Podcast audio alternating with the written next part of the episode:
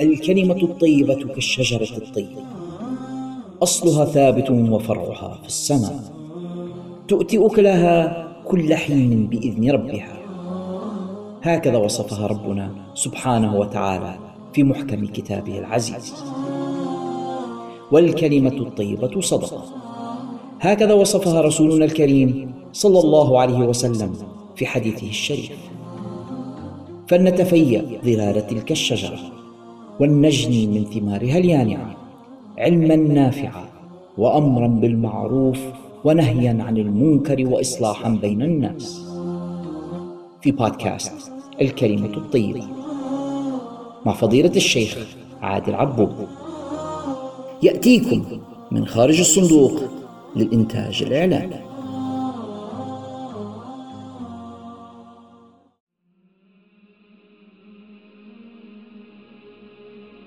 بسم الله الرحمن الرحيم. الحمد لله رب العالمين. حمدا يوافي نعمه ويكافئ مزيده. والصلاة والسلام على أشرف الأنبياء والمرسلين سيدنا ونبينا محمد وعلى آله وصحبه أجمعين. اللهم إني تبرأت من حولي وقوتي إلى حولك وقوتك. اللهم لا حول ولا قوة إلا بحولك وقوتك فهب لي حولا وقوة أستعين بهما على طاعتك. اللهم افتح علينا حكمتك واشملنا برحمتك يا رب العالمين.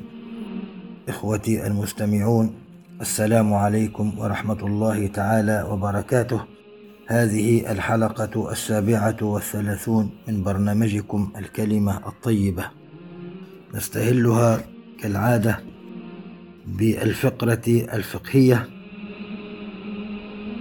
وتكلمنا في الدرس الماضي عن مبحث الأخطاء المتعلقة بالسهو وإتماما للفائدة.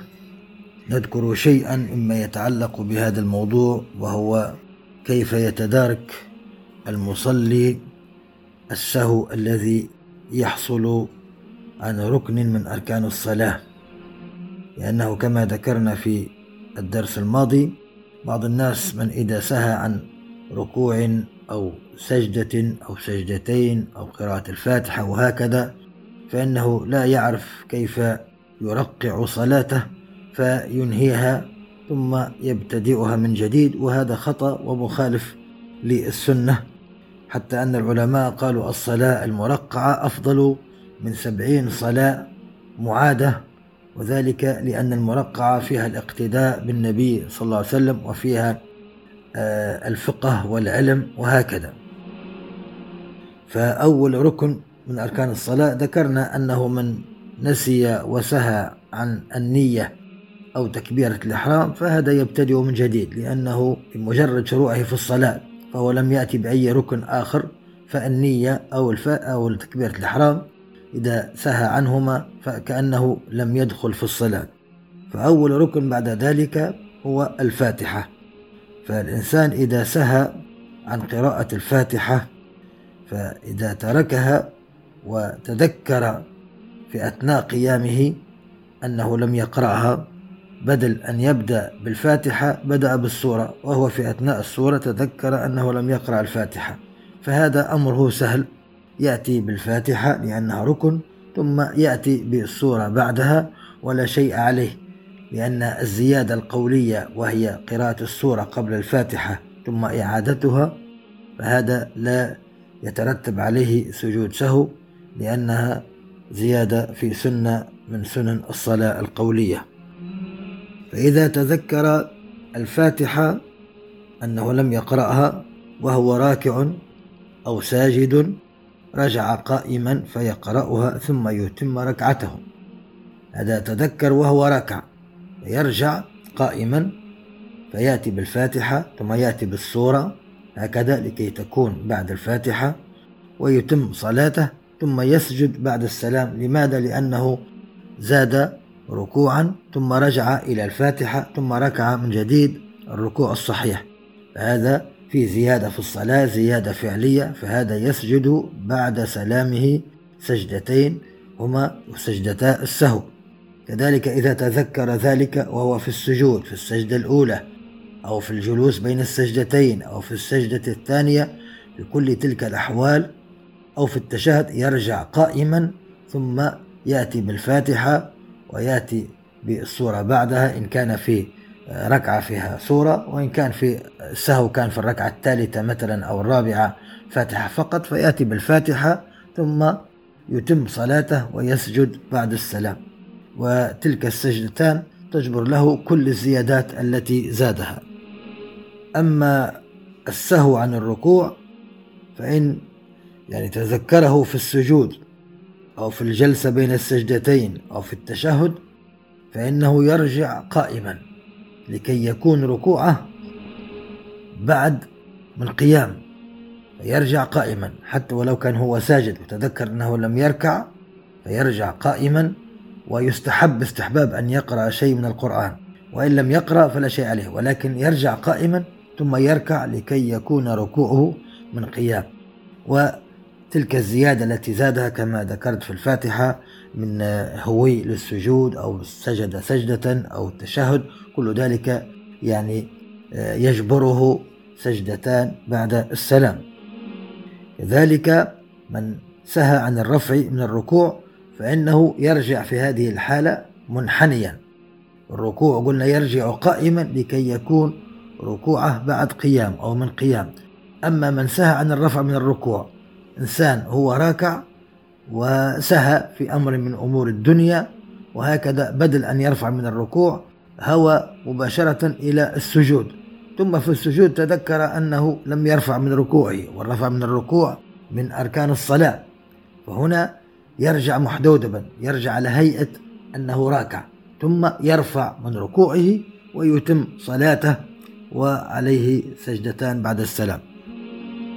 أما من سهى عن السجود فله حلان الحال الأول أن يترك سجدة ثم يتذكرها وهو قائم فإنه يجلس ليأتي بها من جلوس. شخص سجد سجدة واحدة بدل أن يجلس بين السجدتين ويأتي بالثانية بدل من هذا على طول رفع من السجدة الأولى إلى القيام وقرأ مثلا الفاتحة أو شرع فيها أو في السورة وتذكر أنه لم يسجد. حتى لو كان هو مثلا في الركوع أو في الرفع من الركوع فماذا يفعل هذا؟ يجلس. يجلس لكي يأتي بالجلوس ثم يسجد السجدة الثانية التي سهى عنها ويرفع يتم صلاته ويسجد بعد السلام. هذا لو سهى عن سجدة واحدة. أما الحالة الثانية إذا سهى عن سجدتين. مثلا إنسان قرأ الفاتحة مثلا والسورة وركع ثم رفع من الركوع وظن أنه قد سجد فشرع في قراءة الفاتحة من جديد وهو لم يأتي لا بالسجدة الأولى ولا بالسجدة الثانية. فهذا الشخص يعني يهوي أو ينحط للسجدتين من قيام لأنه لم يسجد ولا سجدة فهو قائم فيهوي إلى السجود يأتي بالسجدة الأولى والجلوس بين السجدتين ثم السجدة الثانية وهكذا. فهذا كيفية تدارك لأركان الصلاة ولكن هذا مرتبط بأنه لم يعقد الركعة التي تلي ركعة النقص.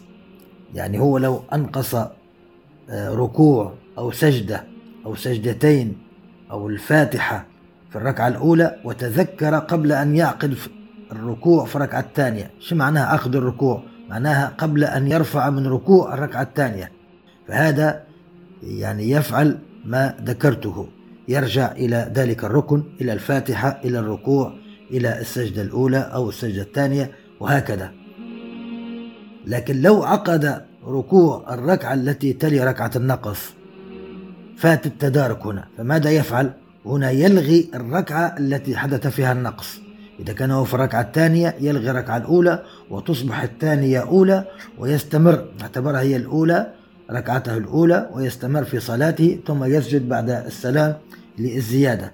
إذا كان النقص حدث في الركعة الثانية ثم تذكر بعد عقد الركوع من الركعة الثالثة وأصبحت الثالثة ثانية ويأتي بثالثة ورابعة يكمل صلاته يلغي الركعة التي حدث فيها النقص ويكمل صلاته ويأتي بسجدتين بعد السلام تجبر له النقص والخلل الذي حدث وهذا باختصار يعني بحيث لا أريد أن أفرع في المسائل حتى لا تذهب الصورة الكاملة.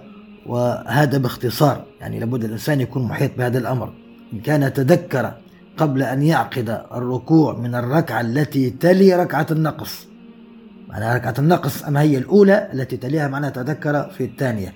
تذكر في الركعة الثالثة إذا كان النقص في الركعة الثانية وهكذا فهنا يرجع إلى الركن ويأتي به ويكمل صلاته ويسجد بعد السلام. أما إن تذكر بعد عقد الركوع فهذا قد فات التدارك يلغي تلك الركعة التي حدث فيها النقص نقص ركوع نقص سجدة نقص سجدتين نقص فاتحة يعتبرها ملغاة وكأنها لم تكن ويكمل صلاته ويعني يأتي بها بإذن الله مرتبة وهكذا ثم يأتي بسجدتين بعد السلام تجبر له جميع ما حدث من خلل. لذلك من الأخطاء في باب السهو أن بعض المصلين قد يعتقد بطلان الصلاة إذا قرأ سرا في محل الجهر أو جهرا في محل السر الآية والآيتين عن طريق السهو. آه، محل الجهر ومحل السر مقصود به هو الفاتحة. الجهر والسر سنة مؤكدة في الفاتحة. أما في الصورة فهي سنة خفيفة. متى يسجد الإنسان لنقص ذلك أو زيادته؟ كما ذكرت في الحلقة الماضية لو أنه قرأ في الصلاة الجهرية قرأ سرا في الفاتحة فهو قد أنقص من صوته بدل الجهر سر فعليه سجود قبل السلام. ولو قرأ في الصلاة السرية كالظهر أو العصر قرأ جهرا في الفاتحة فإنه يسجد بعد السلام. فمحل السر ومحل الجهر مقصود به الفاتحة لأنه سنة مؤكدة في الفاتحة التي هي ركن. أما لو أنه قرأ الفاتحة وفق السنة صلاة سرية قرأها سرا ثم سهى وقرأ السورة جهرا مثلا فلا شيء عليه. فالاهتمام والمحور هو الفاتحة. ولكن مقصود به قراءة نصف الفاتحة فأكثر. لو الإنسان مثلا سهى عن آية أو آيتين قرأ مثلا الآية الأولى الحمد لله رب العالمين الرحمن الرحيم قرأهما سرا في صلاة جهرية مثلا ثم تذكر فأتم باقي الفاتحة كلها جهرا فلا شيء عليه. يعني العبرة أنه قرأ الفاتحة كلها غير بدل السر جهر أو العكس الفاتحة كلها أو جلها أو نصفها. أما الآية والآيتان فهذا لا شيء فيه يعني. والأولى كما ذكرت في الدرس الماضي ولا بأس بإعادة بعض الأشياء لأن موضوع سجود السهو موضوع مهم جدا في الصلاة كما ذكرت خاصة لمن يصلي بالناس وأيضا المصلي وحده. الإنسان قد يصلي بأهل بيته وهكذا لابد أن يتعلم أحكام صلاته. هذا من العلم فروض الأعيان التي تجب على كل مسلم. مش مطالب بأنه يتعمق في الدقائق والمسائل والفروع ولكن يجب أن يعرف بصفة عامة. فالأولى أن الإنسان إذا سهى وقرأ الفاتحة مثلا سرا في صلاة جهرية أو العكس إذا كان تذكر وهو قائم عليه أن يعيد الفاتحة على سنيتها يعني صلاة العشاء قرأ الفاتحة سرا ثم هو في أثناء الصورة تذكر أن هذه صلاة العشاء. فهنا يعيد الفاتحة جهرا ويعيد الصورة ويسجد بعد السلام لزيادة السنة المؤكدة في الفاتحة وهي من السنن التي يسجد لها. ولو العكس قرأ في صلاة سرية قرأ جهرا فيعيد ما دام قائما. أما إذا كان ركع فهنا لا يرجع ما دام ذكرنا في الفاتحة أنه لو تذكر أنه لم يقرأ الفاتحة فإنه يرجع إليها حتى ولو كان راكعا أو ساجدا وهكذا ما لم يعقد الركعة التي تلي ركعة النقص. لماذا؟ لأن الفاتحة ركن من أركان الصلاة كالركوع والسجود. لكن الجهر والسر سنة ليست ركن. فهنا ما دام ركع فهنا فات التدارك. لا يرجع من ركن وهو الركوع لا يرجع إلى سنة وهي الجهر أو السر. ماذا يفعل؟ يستمر في صلاته ثم يسجد سجدتين إما قبل السلام أو بعد السلام. والأولى دائما أن يكون السجود بعد السلام خشية أن الإنسان قد يخطئ في معرفة النقص من الزيادة. فالسجود بعد السلام هو سجود العوام كما يقول الفقهاء. وهو ينوب عن السجود القبلي. فدائما الإنسان يعني في هذا الباب يصلح صلاته ما أمكن ويأتي بالأركان كلها ثم يسجد بعد السلام فهذا السجود يجبر له جميع ما حدث من خلل ومن نقص وزيادة في السنن. هذا كله فيما يخص أن الإنسان سهى عن هذه السنن بمعنى تركها سهوا. أما إن ترك هذه السنن الجهر مثلا أو السر وهكذا سنن أخرى في الصلاة تركها عمدا فهذا اختلف فيه الفقهاء منهم من قال يستغفر الله وصلاته صحيحة لأنه لم يسهى وسجود السهو شرع للسهو للنسيان. ومنهم من قال تبطل صلاته لأنه من التهاون بالسنن وهو متلاعب. فمن هنا تبطل صلاته. فرد بال الإنسان يعني آه، يتعلم ويأتي بالسنن وفيها الأجر العظيم والثواب وفيها اقتداء والاقتفاء بالنبي صلى الله عليه وسلم لقد كان لكم في رسول الله أسوة حسنة لمن كان يرجو الله واليوم الآخر. وللحديث بقية بإذن الله تعالى والله ورسوله أعلم. في الفقرة الوعظية تكلمنا في الدرس الماضي والذي قبله عن أمر عظيم وهو انتشار سب الدين في المجتمع الإسلامي بصفة عامة والاستخفاف بهذا الأمر وعدم المبالاة وكأنه أمر هين يحسبونه هين وهو عند الله عظيم. وجرنا الحديث إلى الأشياء التي قد تسبب في الكفر والعياذ بالله والردة أقوال وأفعال ومعظمها تكون من باب الاستهزاء أو من باب السخرية أو من باب اللامبالاة والضحك والمزاح. أو آه، تحجج بالغضب وغيره وكل هذه أمور واهية وذرائع لا قيمة لها. وتكلمنا ما يجب على من فعل شيئا والعياذ بالله استوجب الردة وأنه يجب عليه أن يجدد إسلامه وأن يجدد عقده على زوجته إن كان متزوجا. والأمر ليس بالهين.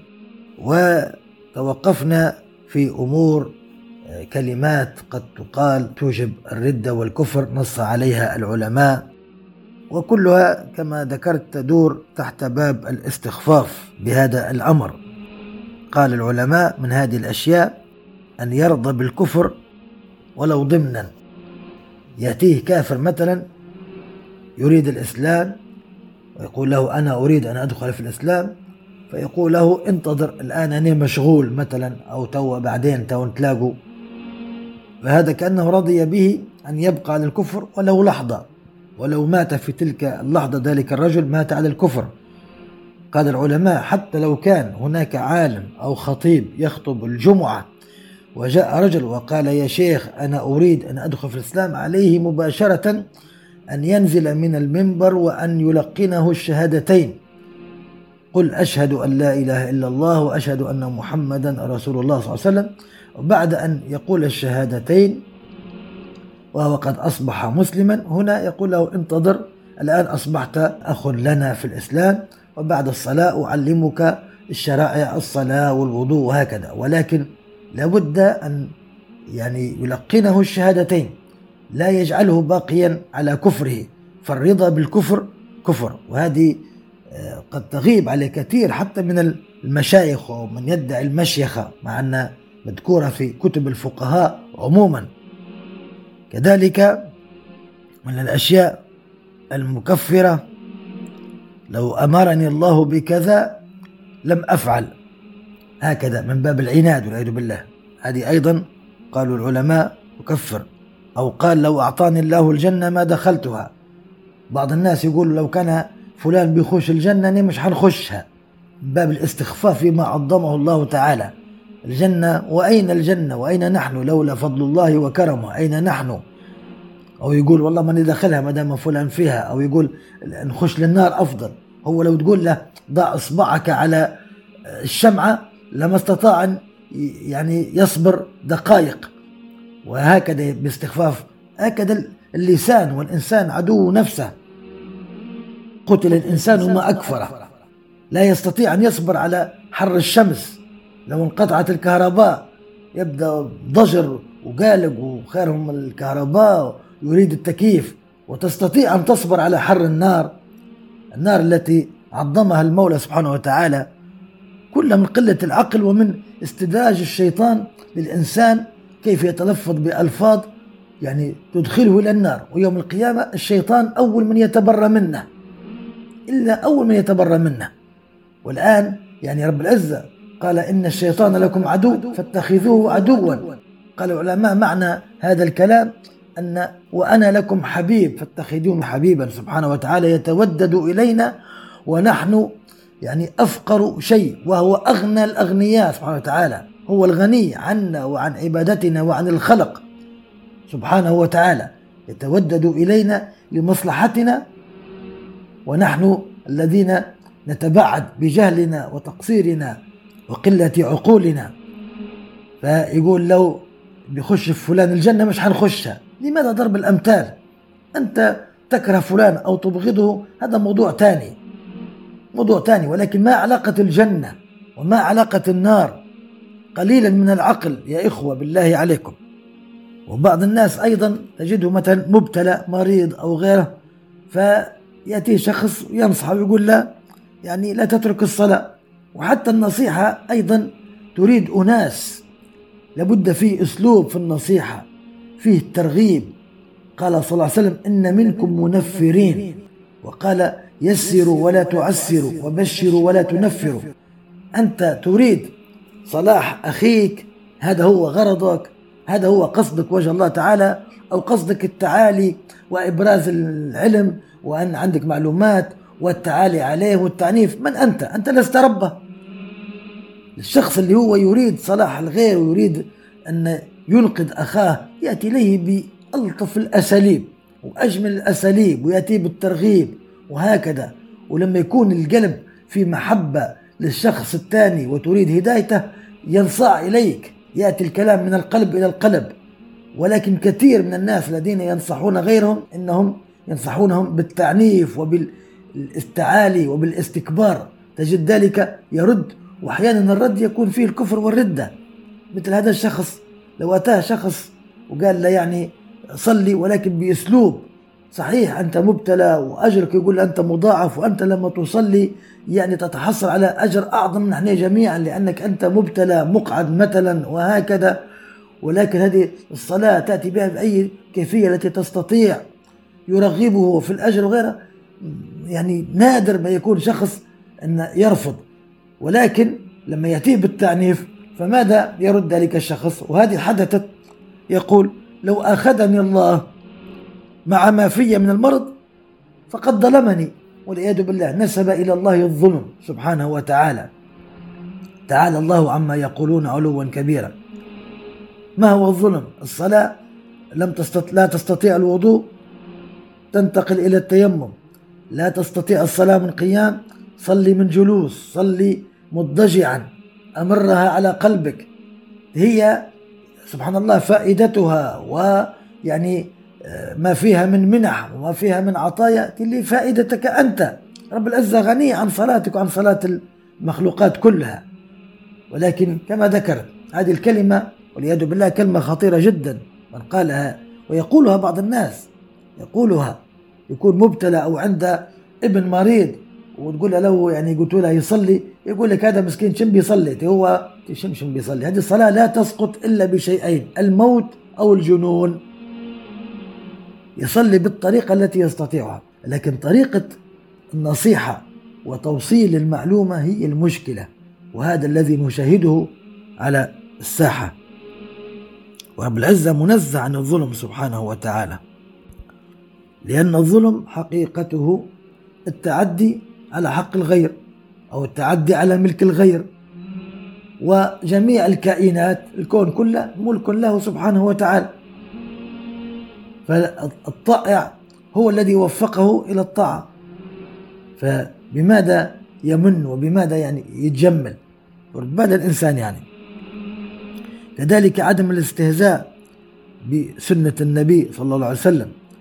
مثل شخص لو قيل له قلم أظافرك فإنه سنة رسول الله فقال لا أفعل وإن كان سنة. ما يقول ما نبيش نقلم مثلا أو يعني عندي أصابعي فيها ألم لماذا وإن كان سنة هكذا؟ لماذا هذا العناد؟ ولماذا هذا الرد؟ رد خطير يا إخوان حتى إن كان ليس بكفر ولكن ينبئ عن قلب خاوي من الإيمان. كذلك لو قال لا أدري أكان النبي صلى الله عليه وسلم انسيا أم جنيا؟ أو أنه يعني وصفه بوصف فيه إهانة في عضو من أعضائه أو هكذا أو أنكر أنه مدفون بالمدينة وانه بعث بمكة. كل هذا من الأشياء المعلومة من الدين بالضرورة يعلمها كل أحد. فإنكارها إنكار المتواتر وإنكار القرآن. أو قال عنه أنه كان أسود. وهكذا من الكلام الذي فيه إهانة وفيه تقليل وفيه سوء أدب عظيم مع النبي صلى الله عليه وسلم. أو مثلا تنازع اثنان شخصان فقال أحدهما لا حول ولا قوة إلا بالله فقال الثاني لا حول لا تغني من جوع. ما تنفعكش لا حول ولا قوة بالله والعياذ بالله قالها بلسانه. أنا أحاكي الكلمة وقال العلماء حاكي الكفر ليس بكافر ولكن من باب التعليم. ورد بال الإنسان يعني. ولهذا قال العلماء إذا رأيت شخصين في غضب وفي نزاع وهكذا وغضب شديد إياك أن تقول لهما صلوا على النبي صلى الله عليه وسلم. لأنك تريد أن تطفئ الغضب ولكن احتمال كبير مع ضعف الإيمان ومع قلة العلم وغيرها وقالها كثير من الناس. يقول لك أنا ما نبيش نصلي عليه. فورطت فورطت في أمر أعظم من ذلك الغضب. كذلك كلمة لا حول ولا قوة إلا بالله لا تقولها أمام شخص تعرفه ويستهين بذلك. إنه قد يقول لك لا حول ولا قوة في اللي قال توا نعبوا منها إشكاير والعياذ بالله من باب الاستهزاء. ذلك لو الإنسان يعني يعني اشتد المرض أو اشتد البلاء فقال مخاطبا رب العزة إن شئت توفني كافرا. يعني تبي حتى تأخذني كافر خود من باب الاستهزاء والتقليل والاستخفاف. أيضا كلمات خطيرة. أو لو ابتلي بمصائب ماتوا له أعزاء عليه أو غيره أو حوادث فيقول معترضا على الله تعالى أخذت وأخذت ولدي وكذا وكذا. مش المازال بتدير لي أو ماذا بقي لم تفعله لي. كل هذا فيه سوء أدب عظيم مع المولى سبحانه وتعالى. هو هذا من جهل من جهلنا ومن قلة معرفتنا. ولكن هم المصائب. لو رأى الإنسان بعين الحقيقة فيهم فيها المنح. هذه المحن فيها المنح. يؤتى يوم القيامة بأصحاب البلاء فلا ينصب لهم ميزان. ويدخلون الجنة بغير حساب ويعطون الغرف فأهل العافية الناس اللي كانوا في عافية يتمنون أنهم لو أصيبوا بمصائبهم وهكذا لكي ينجوا من ذلك اليوم العصيب وأهواله. ولكن نحن لضعفنا وغيرنا نطلب العافية. لكن لو نزل بالإنسان البلاء فليس عليه إلا الصبر. حتى لو كفر هل سيرفع عنه البلاء؟ لن يرفع عنه البلاء بل هو خسر الدنيا والآخرة. فعلى الإنسان أن يتأدب ويعرف ماذا يخرج من شفتيه. فهي العبارات والأفعال كثيرة ولكن لا نريد الإطالة فالحاصل أو الملخص. فأن حاصل تلك العبارات يرجع إلى أن كل عقيدة أو فعل أو قول يدل على استهانة أو استخفاف مع القصد والاختيار فهو ردة والعياذ بالله وإلا فلا فليحذر الإنسان. يعني ليسلم له إيمانه ولكي يسلم له رأس ماله. هذا الإيمان هو رأس المال هو الذي عليه الاعتماد. مهما الإنسان مر في هذه الدنيا من مصائب ومشاكل وغيرها ومتغيرات لكن ما دام الحمد لله محافظ على إيمانه وعلى إسلامه وعلى صلاته وهكذا فكم سيعيش في هذه الحياة؟ لحظة ويذهب ويتركها ولكن هناك في الآخرة يجد النعيم المقيم فوفقنا الله للحفاظ على أيماننا. كذلك من الأشياء التي هي بسبب اللسان وهي متفشية أيضا في المجتمع كثرة الحلف بالطلاق وكثرة يمين الطلاق وهذا منافي للحكمة التي شرع لها النكاح الذي سماه الله سبحانه وتعالى ميثاقا غليظا وفيه السكن والأنس. قال تعالى ومن آياته أن خلق لكم من أنفسكم أزواجا لتسكنوا إليها فالسكن هو الأنس والطمأنينة وحصول الذرية وفوائد النكاح بغض البصر والعفة كثيرة. فلهذا رغب سبحانه على الإبقاء على الزوجية ونهى عن كل ما يعرضها للزوال. فأمرت الشريعة بالمعاشرة بين الزوجين بالمعروف. قال تعالى وعاشروهن بالمعروف فإن كرهتموهن فعسى أن تكرهوا شيئا ويجعل الله فيه خيرا كثيرا. وبين رسول الله صلى الله عليه وسلم ما جعلت عليه المرأة ليكون الرجل خبيرا بحالها. قال عليه الصلاة والسلام إن المرأة خلقت من ضلع وإن أعوج ما في الضلع أعلاه فإن ذهبت تقيمه كسرته. وإن تركته لم يزل أعوج فاستوصوا بالنساء. وفي رواية للإمام مسلم وكسرها طلاقها. يعني لابد من المداراة لابد من المسايرة في الأمور العادية. الأمور العادية طبعا إذا كان في أمر في تضييع لحق من حقوق الله كالصلاة مثلا أو في آه، التبرج وهكذا أو هذه أمور خطوط حمراء.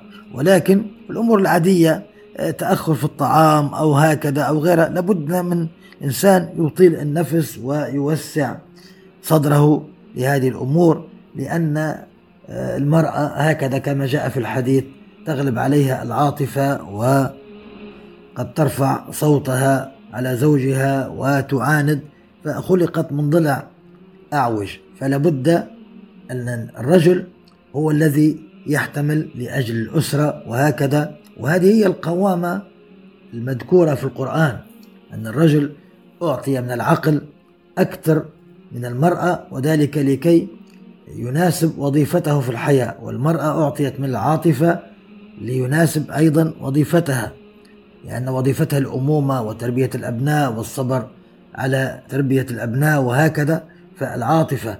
والرجل أعطي العقل فيجب أن يحكم عقله يقوم بوظيفة القوامة سواء قوامة من ناحية النفقة وهكذا وأيضا من ناحية كيفية إرشاد المرأة والأسرة وقيادة البيت والسفينة إلى شاطئ الأمان. فطلاق طلاق يعني أبغض الحلال إلى الله. الآن نتكلم نحن عن ما يكثر على ألسنة البعض هو الحلف بالطلاق ويمين الطلاق. كثير من الناس يقولها ويعتقد لا شيء. كثير من يتصل ويسأل بعد أن يفعل هذا الأمر. ونحن عندنا في طرابلس يعني أن كلمة وهي يقولها الناس علي اليمين. علي اليمين المتعارف عليه هي من الطلاق الكنائي يعني الطلاق نوعان طلاق صريح وهو الذي فيه لفظ الطلاق أو طلقت اللهم عافنا أو طالق وهكذا. هذا يسمى طلاق صريح. هذا عن جميع الأئمة يقع. وهناك الطلاق الكنائي لفظة يعني العرف اشتهرت أنها طلاق كما كان في عهد الصحابة. كانت عندهم كلمات البتة وبتلة وهكذا كلمات تعارف عليها المجتمع أنها بمعنى الطلاق. فالطلاق يعني يتحاكم إلى العرف كثيرا في أمور كثيرة ترجع إلى العرف. وهذا بنص القرآن الكريم. قال تعالى وأمر بالعرف فالعرف في الشرع له اعتباره فعليه الحكم قد يدار كما يقول العلماء. فالكلمة هذه علي اليمين في عرف أهل طرابلس معناها علي يمين الطلاق ليست اليمين العادي. فكثير من الناس في أي موضوع أو حديث أو مزاح مع أصدقاء أو غيره دائما علي اليمين علي اليمين. وهو يعتقد الأمر هين. هنا يعني أقسم وعلق بيمين الطلاق والذي عليه جمهور العلماء الأئمة الأربعة الإمام مالك والإمام الشافعي وأبو حنيفة والإمام أحمد أن الطلاق المعلق وهكذا يعتبر طلاق. بل الإنسان ولما نقول عن الأئمة الأربعة مش المقصود أربع أشخاص مقصود تسعين أو خمسة وتسعين في المية من علماء الأمة الإسلامية لأن هذه مدارس فقهية ارتضاها الله سبحانه وتعالى وانتشرت أقوالها وكل مدرسة تحتها آلاف العلماء والمفسرين والمحدثين والحفاظ. ف يعني 95% من علماء الأمة هم هذو المذاهب الأربعة بل الإنسان. هناك آراء لبعض العلماء لا تقوم ولا تستطيع أن تقف أمام هذه الآراء القوية التي هي من أيام الصحابة يرى أن هذا اليمين قد لا يقع. وهذا الذي أحيانا يفتي به بعض المشايخ أو العلماء مع أن قول ضعيف ولكن مراعاة للأسرة وعدم تشتتها وتشتت الأبناء وقد يلتجئون إلى المحرمات إلى المخدرات إلى متشددين فمن هنا يعني يفتون بالقول الضعيف. ولكن الإنسان في خاصية نفسه يجب عليه أن ينظر إلى الأحوط وإلى القول القوي. فرد باله أن أحيانا هو يعيش مع زوجته بالحرام. طلقها أكثر من ثلاث تطليقات بعض الناس بمئات التطليقات فهو يعيش في الحرام. أمام الناس هو وزوجته ولكن عند الله وهو يعيش بالحرام والعياذ بالله. فرد بال الإنسان أنت أهم شيء بينك وبين الله. يستطيع الإنسان حتى في خاصية نفسه والعياذ بالله أن يطلق ومن يدري به إلا الله.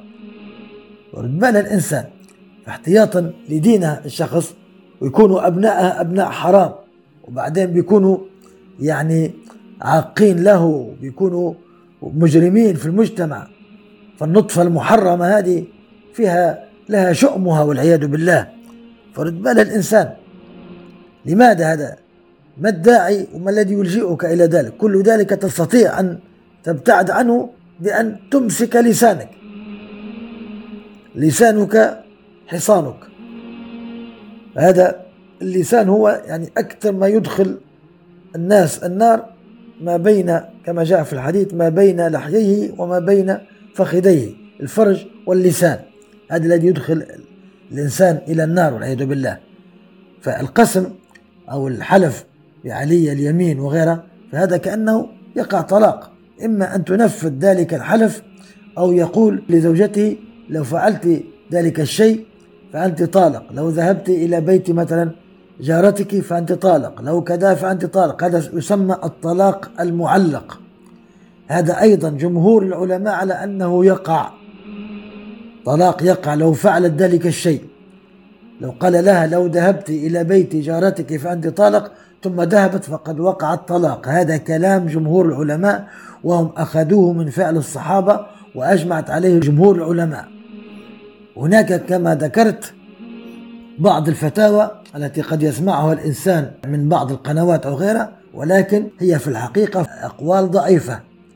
قال بها بعض العلماء أما الجمهور أكثر العلماء يقولون بوقوع الطلاق من أيام السلف إلى يومنا هذا.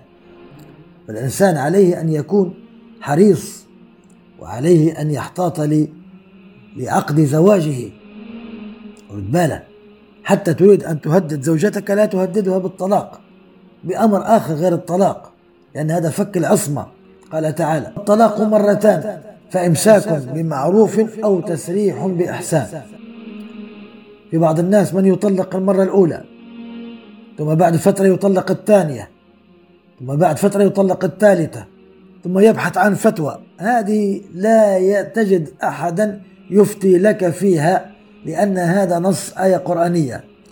الذي كما ذكرت عليه بعض الفقهاء الطلاق الثلاث المجموع في لفظة واحدة. لو قال لها أنت طالق ثلاثا هذا جمهور علماء أنه يقع ثلاثا أيضا ولكن من أيام الصحابة وأيام سيدنا عمر ومن كان معه أجمع على ذلك ولكن بعض الفقهاء من يرون أنه يقع طلقة واحدة وهذه التي يفتي بها بعض العلماء. هذا إذا كان مجموع في كلمة واحدة في جلسة واحدة. أما لو كانت طلقات متفرقات فهذا بإجماع الأمة بنص القرآن. ما عادش تبحث على فتوى خلاص تمت انتهت الحياة العقد انتهى والآن ليس أمامك شيء إلا إن هي تزوجت زوجا آخر ثم ذلك الزوج طلقها ثم بعد ذلك بعد أن تنهي عدتها يتقدم لها زوجها الأول إن قبلت حل هذه بس. لابد من زواج ثاني بنص القرآن. فالأمر ليس بالهين. تجد الإنسان يتلفظ بالثلاث طلقات مع بعضها. تجد كل ما يريد أن يأمر زوجته بشيء ولو كان تافها بالطلاق. تجد في مزاحه مع أصدقائه يحلف بالطلاق. بالله يا إخوان نرى الموضوع انتشر والعياذ بالله قد يكون من أسباب ما نرى من البلاء الذي نحن فيه. كأن زنا يعني. إذا كان الطلاق وقع وهو عايش مع زوجته فهو يعيش بالزنا. وانتشار الزنا من أسباب نزول البلاء. هذا من الأشياء التي يعني أحببت أن أنوه عليها. وللحديث بقية بإذن الله تعالى. ونختم درسنا كالعادة بشيء من أخلاقه العظيمة وشمائله الحميدة وخصاله المجيدة صلى الله عليه وسلم من سنته حبه التيمن في شأنه كله.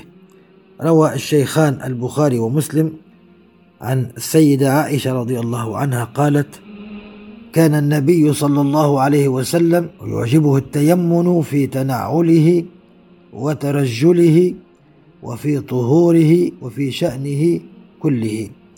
وفي رواية للإمام مسلم كان رسول الله صلى الله عليه وسلم يحب التيمن ما استطاع في طهوره وتنعله وترجله وفي شأنه كله. التيمن هو الابتداء في الأفعال باليد اليمنى إن كان الفعل منوطا باليد وبالرجل اليمنى إن كان منوطا بالرجل وبالجانب الأيمن إن كان الفعل متعلقا بالجوانب. يعني بيلبس القميص يلبس باليد اليمنى يلبس السروال أو البنطلون الرجل اليمنى يلبس الحذاء الرجل اليمنى. وهكذا في الوضوء يبدأ بالأعضاء الميامن كما هو السنة. كذلك عندما يريد أن يمشط شعره الترجل يبدأ بالجانب الأيمن. إذا أراد أن يحلق شعره أيضا كما جاء في سيرته صلى الله عليه وسلم في حجة الوداع لما حلق شعر رأسه أمر الحلاق أن يبدأ بالشق الأيمن ووزع الشعر على الصحابة ثم الشق الأيسر عليه الصلاة والسلام. وهكذا التيمن يبدأ بالعضو اليمين. والدخول إلى البيت أيضا بالرجل اليمنى الدخول إلى المسجد بالرجل اليمنى. فقط الدخول إلى بيت الخلاء السنة أن يدخل باليسرى ويخرج باليمنى. والحكمة في ذلك كما أوضحه العلماء هو أنه من باب تكريم اليمين والتفاؤل الحسن فإن أصحاب اليمين هم أهل الجنة ويؤتون كتبهم بأيمانهم. ونورهم يسعى بين أيديهم وبأيمانهم كما جاء في القرآن. وفي هذا يتجلى تمام تنظيمه صلى الله عليه وسلم وهديه في مباشرة الأعمال لأنه لابد من تقديم أحد طرفي اليمين أو الشمال. فبدل من يبدأ الأمر فوضى رسول الله سن لنا البدء باليمين ورجحها على الشمال. كذلك تجعل اليمين دائما للأمور المكرمة. المصافحة أن تصافح أخاك المسلم مسك الكتاب مسك المصحف من باب أولى تضعها على رأس اليتيم تقدم بها الصدقة تأكل بيمينك هذا كله من باب التكريم يجعل في باليمنى. واليسرى تجعل لإزالة المستقذرات الامتخاط الاستنجاء إزالة الأذى مسح العرق. بعض الناس من يمسح عرقه بيده اليمنى ثم يصافح الناس. وهناك من الناس من يتقزز ومن السنة أنك تمسح الأفضل يكون معك منديل هكذا. وإن لم يكن معك شيء امسح باليسرى وصافح باليمنى. اجعلها نظيفة جافة. هكذا من باب إكرام أخيك المسلم وأيضا من باب السنة ولك فيه الأجر والثواب. الدين لم يترك لنا شيئا هكذا هملا وإنما كل شيء وضحه لنا كما قال سيدنا سلمان الفارسي رضي الله عنه أن علمنا رسول الله كل شيء حتى كيف نقضي حاجتنا البشرية كيف الإنسان يجلس كيف يعني يستنجي وهكذا يستعمل الماء باليمنى وينظف المحل باليسرى وكل هذا علمه لنا ديننا ورسولنا صلى الله عليه وسلم. كذلك كان صلى الله عليه وسلم يبدأ باليمين في الطهور. الطهور اللي هو الوضوء والغسل. فعل لما يكون أو اللفظة بالضم في البداية الطهور أو الوضوء بمعنى الفعل. فعل الأفعال التي تفعل في ذلك العمل أو تلك العبادة. أما إذا قلنا الطهور أو الوضوء بفتح الطاء أو فتح الواو مقصود بها الماء المعد لذلك الفعل. لما الإنسان يعد الماء لكي يتوضأ به ذلك الماء يسمى وضوء. أما الفعل نفسه يسمى وضوء. فكان صلى الله عليه وسلم يبدأ باليمين في طهوره أي تطهره. وهذا شامل للوضوء والغسل والتيمم. أيضا في ترجله أي تمشيط الشعر تمشيط شعر رأسه الشريف ولحيته صلى الله عليه وسلم. وفي تنعله أي لبس نعله. وفي سواكه صلى الله عليه وسلم لما يستعمل السواك يبدأ بالجانب الأيمن من الفم ثم الجانب الأيسر. وفي شأنه كله. هكذا سنته صلى الله عليه وسلم.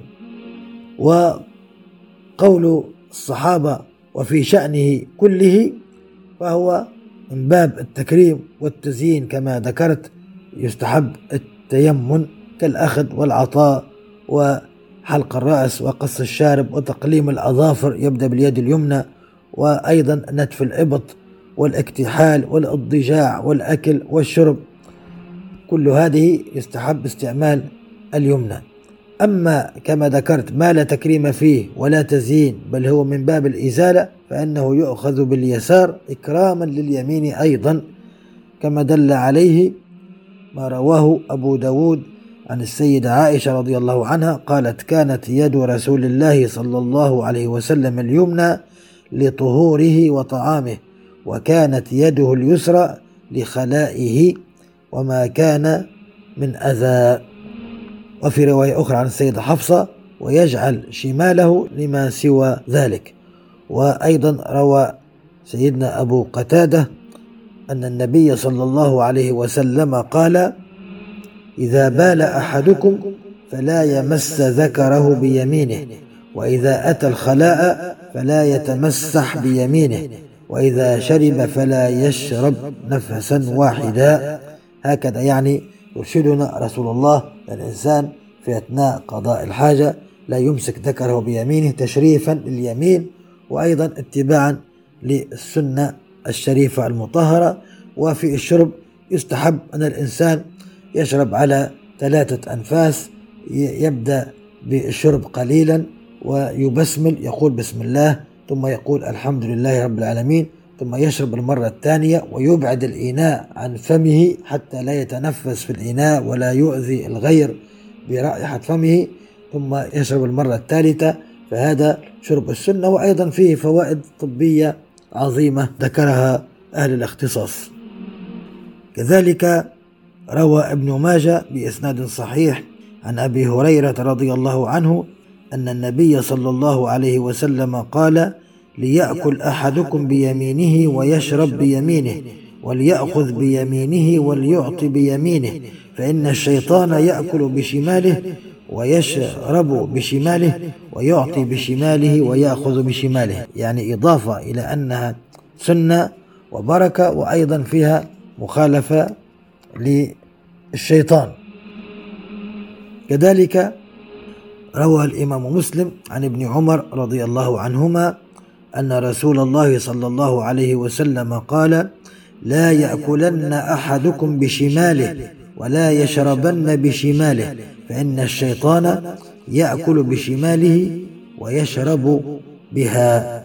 وهذه من الأشياء والسنن التي يجب أن نعود أبناءنا عندما نجلس معهم على سفرة الطعام وهكذا نعلمهم أن يأكلوا بيمينهم لا يأكلوا بشمالهم تعودوا عليها من صغرهم وأيضا نعلمهم البسملة وهذه وظيفة الأب ولي الأسرة أن يقول بسم الله بصوت عال ثم بعد الانتهاء والفراغ يقول الحمد لله رب العالمين وإن كان يحفظ بعض الأدعية يقولها الحمد لله الذي أطعمنا فأشبعنا وسقانا فأروانا وكفانا وآوانا وجعلنا مسلمين. وفي رواية أخرى وكفانا وآوانا فكم من لا كافي له ولا مؤوي. فلابد أن نأتي بهذه الأذكار أمام الأطفال يتعلمونها ونعلمهم أيضا كيف يعظمون النعمة التي كثير من الناس لا يتحصل عليها. نعظم نعمة المولى ونشكر الله عليها. فهذه من وظائف رب الأسرة. كذلك كان صلى الله عليه وسلم من سنته يقدم الأيمن فالايمن ويقول أيضا الأيمن في الأيمن حتى أنه ذات مره أتي بقدح من ماء أو حليب فشرب منه ثم بقي فيه شيء وكان موجود مجموعة من الأشياخ كبار السن ولكن كان عن يمينه طفل. فرسول الله والسنة أن تعطي لمن عن يمينك إن أراد أن يشرب يعني من شرابك هكذا من بركة الشراب. فاستأذن رسول الله من الغلام. قال له أتأذن لي أن أعطيه الأشياخ؟